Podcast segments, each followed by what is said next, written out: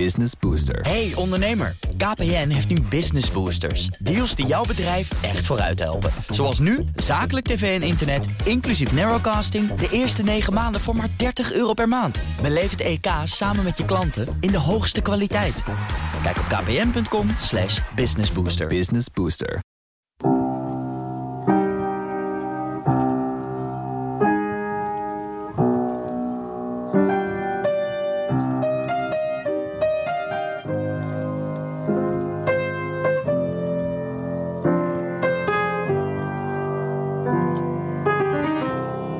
Nog een uh, nieuwsroom Den Haag in deze week dat het eigenlijk reces is en er niet zoveel gebeurt, zeiden we afgelopen vrijdag nog in de podcast.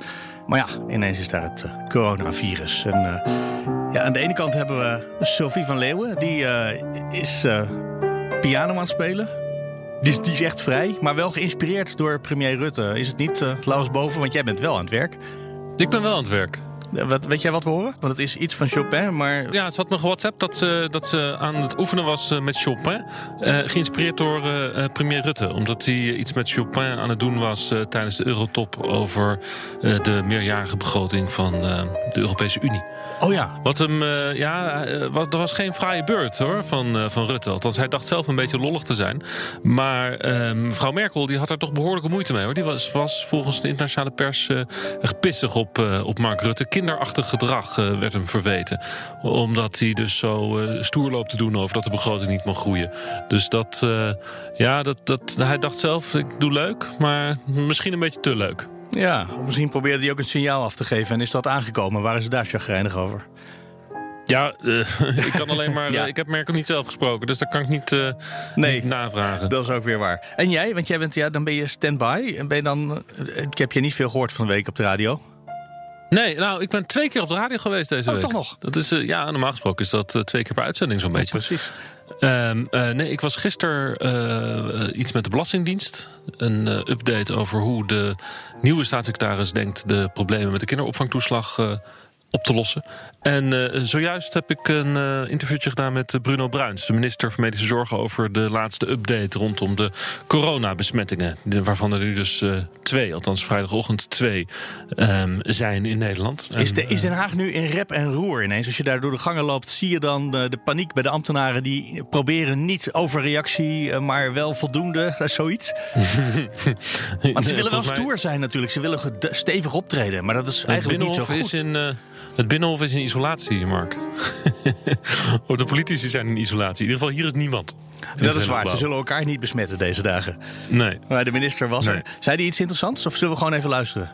Nou, laat me horen. Oké. Okay.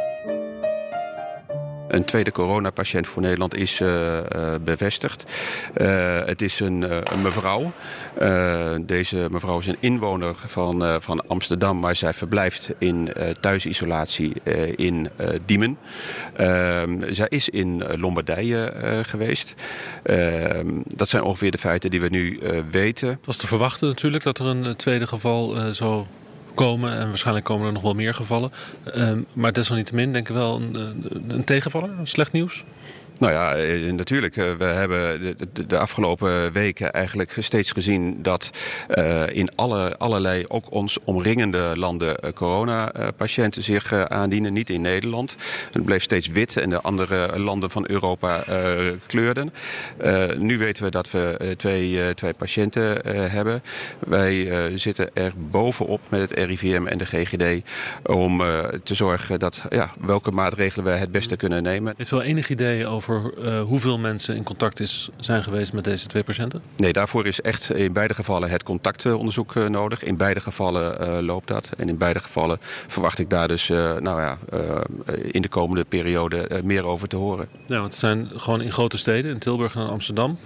Uh, dan ligt het voor de hand dat er, dat er, heel veel mensen met deze mensen in contact zijn geweest.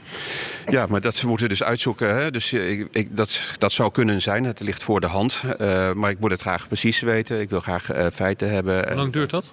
En ik denk, verwacht dat het, het onderzoek wat voor de patiënt van gisteren... dat we daar de eerste berichten over krijgen in de loop van, van vandaag. en het onderzoek in, de, voor de patiënt in, in Diemen... dat is dus net gestart. dat zal misschien iets meer tijd kosten Maar ook daar zullen we kijken wanneer we de eerste berichten kunnen krijgen. Ook al is het onderzoek nog niet helemaal afgerond.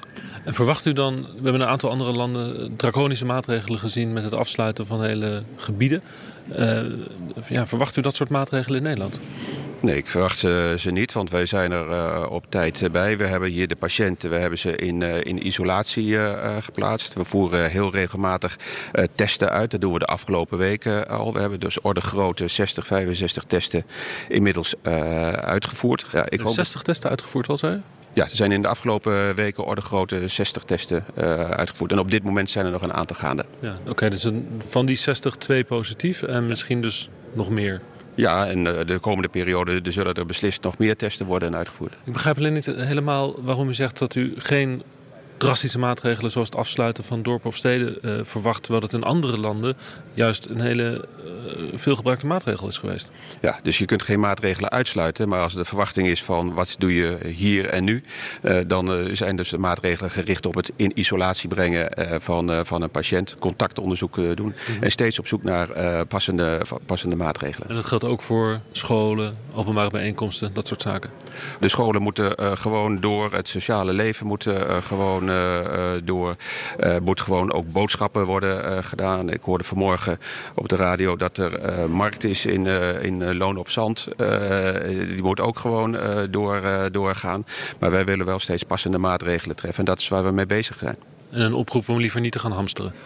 Nee, dat lijkt mij niet een goed idee om te gaan uh, uh, hamsteren. Wat dat betreft uh, geldt hier ook omzien naar elkaar. En iedereen moet, moet ook zijn weekboodschappen kunnen blijven doen. Minister Bruins, die ons dus geruststelt, niks aan de hand. Uh, nee, nee, dat, zei hij niet, Mark. Dat, zei hij niet? Hij, hij zegt van, uh, we, zijn, we zijn in control. Oh, ja. Dat zegt hij. Ja. Um, en uh, geen draconische maatregelen nodig. En we hoeven niet te hamsteren. Dat is eigenlijk een beetje zijn bottom line. Maar het is wel degelijk een zeer ernstige situatie natuurlijk. Het is niet niks aan de hand. En dat, nou ja, dit is dan nu. Komt er dan ineens tussendoor? Moest je toch nog aan het werk, terwijl je eigenlijk dacht, vrije vrijdag. Uh, hebben, we, de rest van de week nog uh, dingen gedaan? Geresearched, ge, gepraat met mensen, koffie gedronken? Was jij niet op een podium deze week? Ja, zeker. Ik was op een podium. Kijk, ik probeer in zo'n reces eigenlijk altijd de dingen te doen waar ik normaal gesproken nooit aan toe kom. En uh, een van die dingen is uh, het aflopen van de debatavonden in, uh, ja, vooral Amsterdam. Sorry voor alle luisteraars van buiten Amsterdam. Maar um, de Bali kom ik graag. Dat, het politieke debatcentrum op Leidseplein. En ook in, in de Zwijger, ook zo'nzelfde soort debatcentrum, wat nieuwer. bij het Centraal Station in de buurt. En um, maandag was ik daar bij een Amerikaanse schrijver die een boek heeft geschreven over uh, migratie en over. Dat gaat eigenlijk allemaal over populisme deze hele week. Daar ben ik veel mee bezig geweest. Populisme um, en, en hoe om te gaan met populisme. Daar ging het maandagavond over. En het ging de gisteravond in de Zwijger over elitehaat. Dat was het boek van uh, Bas Heijnen, werd daar besproken. Mens, onmens, nieuwe boekje. Hele volle zaal. Dus echt een hoop interesse in het onderwerp. En dinsdag, dat klopt inderdaad, Mark. Dinsdag zat ik zelf op het podium in de Bali om um, te praten over afsplitsers in de politiek. Ik wil Laurens nog even introduceren. Goed dat je er bent, politiek verslaggever BNR Nieuwsradio. Misschien dat er een aantal mensen zijn die je ook nog niet kennen, maar uh, nou, je weet veel, zo niet alles van de Haagse politiek, want je bent er namelijk ook echt altijd. Ja. En, en, zelfs dat wordt ook wel eens benoemd in de Kamer. Dus daar hebben we ook nog een klein oh fragmentje oh my van. God, hè? Je kent hem wel, hè, denk ik. Ja. Ja. Traditiegetrouw kijk ik ook even naar de publieke tribune.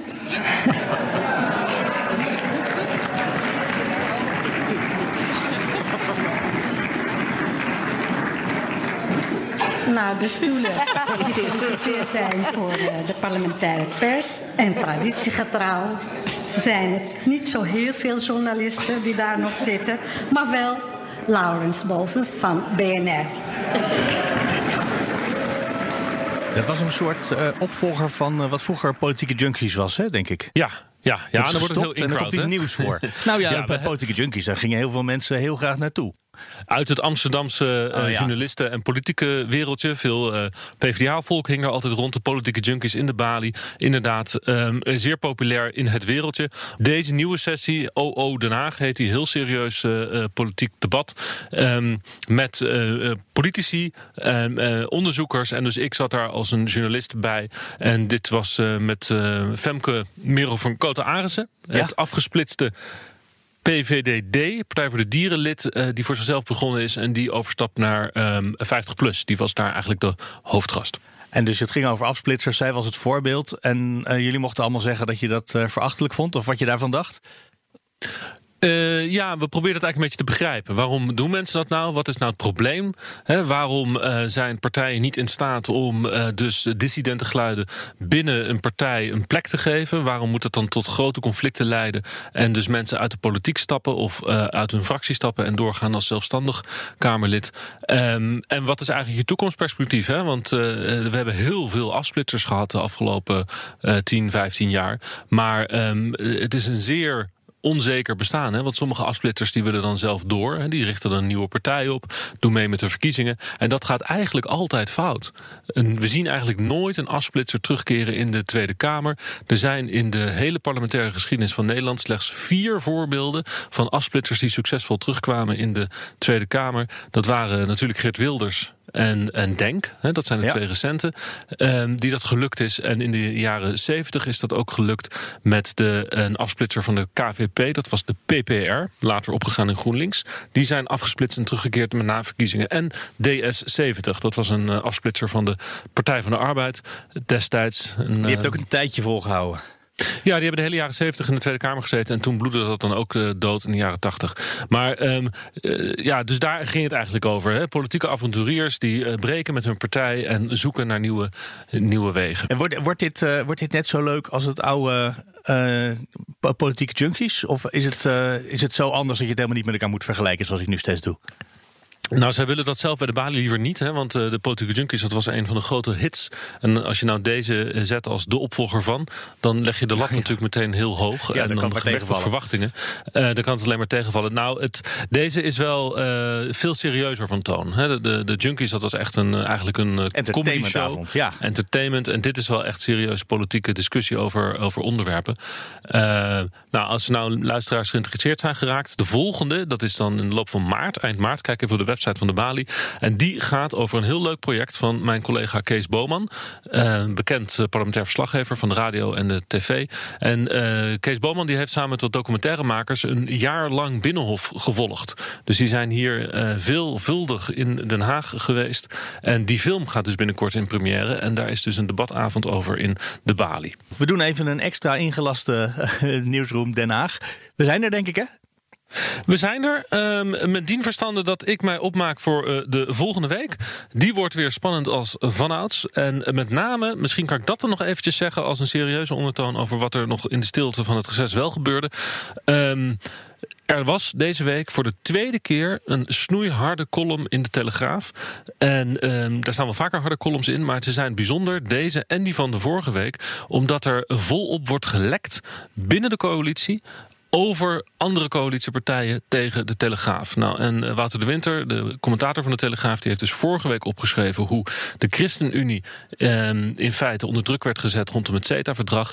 En deze week heeft hij opgeschreven hoe het er in de ministerraad aan toe ging rondom Barbara Visser en de marinierskazerne. Dus dan is er vanuit de ministerraad, Mark, is er gelekt. En uh, dit is belangrijk omdat dit soort lekken heel rap het vertrouwen tussen coalitiepartijen kan kapotmaken. Als dus uh, mensen het gevoel hebben: ik kan niet meer binnen de muren van de ministerraad gewoon veilig praten. zonder dat ik er zeker van ben dat mijn woorden niet in de krant belanden. Nou, um, dus die uh, twee columns die zullen nadreunen volgende week hier in de wandelgangen. Misschien zelfs wel in de debatzalen. En we kijken met allemaal met grote verwachtingen uit naar de volgende column van Wouter de Winter. Want als dat nou weer raak is, de volgende ronde, dan uh, wordt het een uh, interessante podcast volgende week. Het wordt sowieso een interessante podcast volgende week. Daar zijn we niet afhankelijk van Wouter de Winter, denk ik, uh, Laurens. Maar dan is Sophie ook weer terug. Zeker. Tot volgende week dus. Altijd beter. Altijd beter. Dankjewel, Laurens.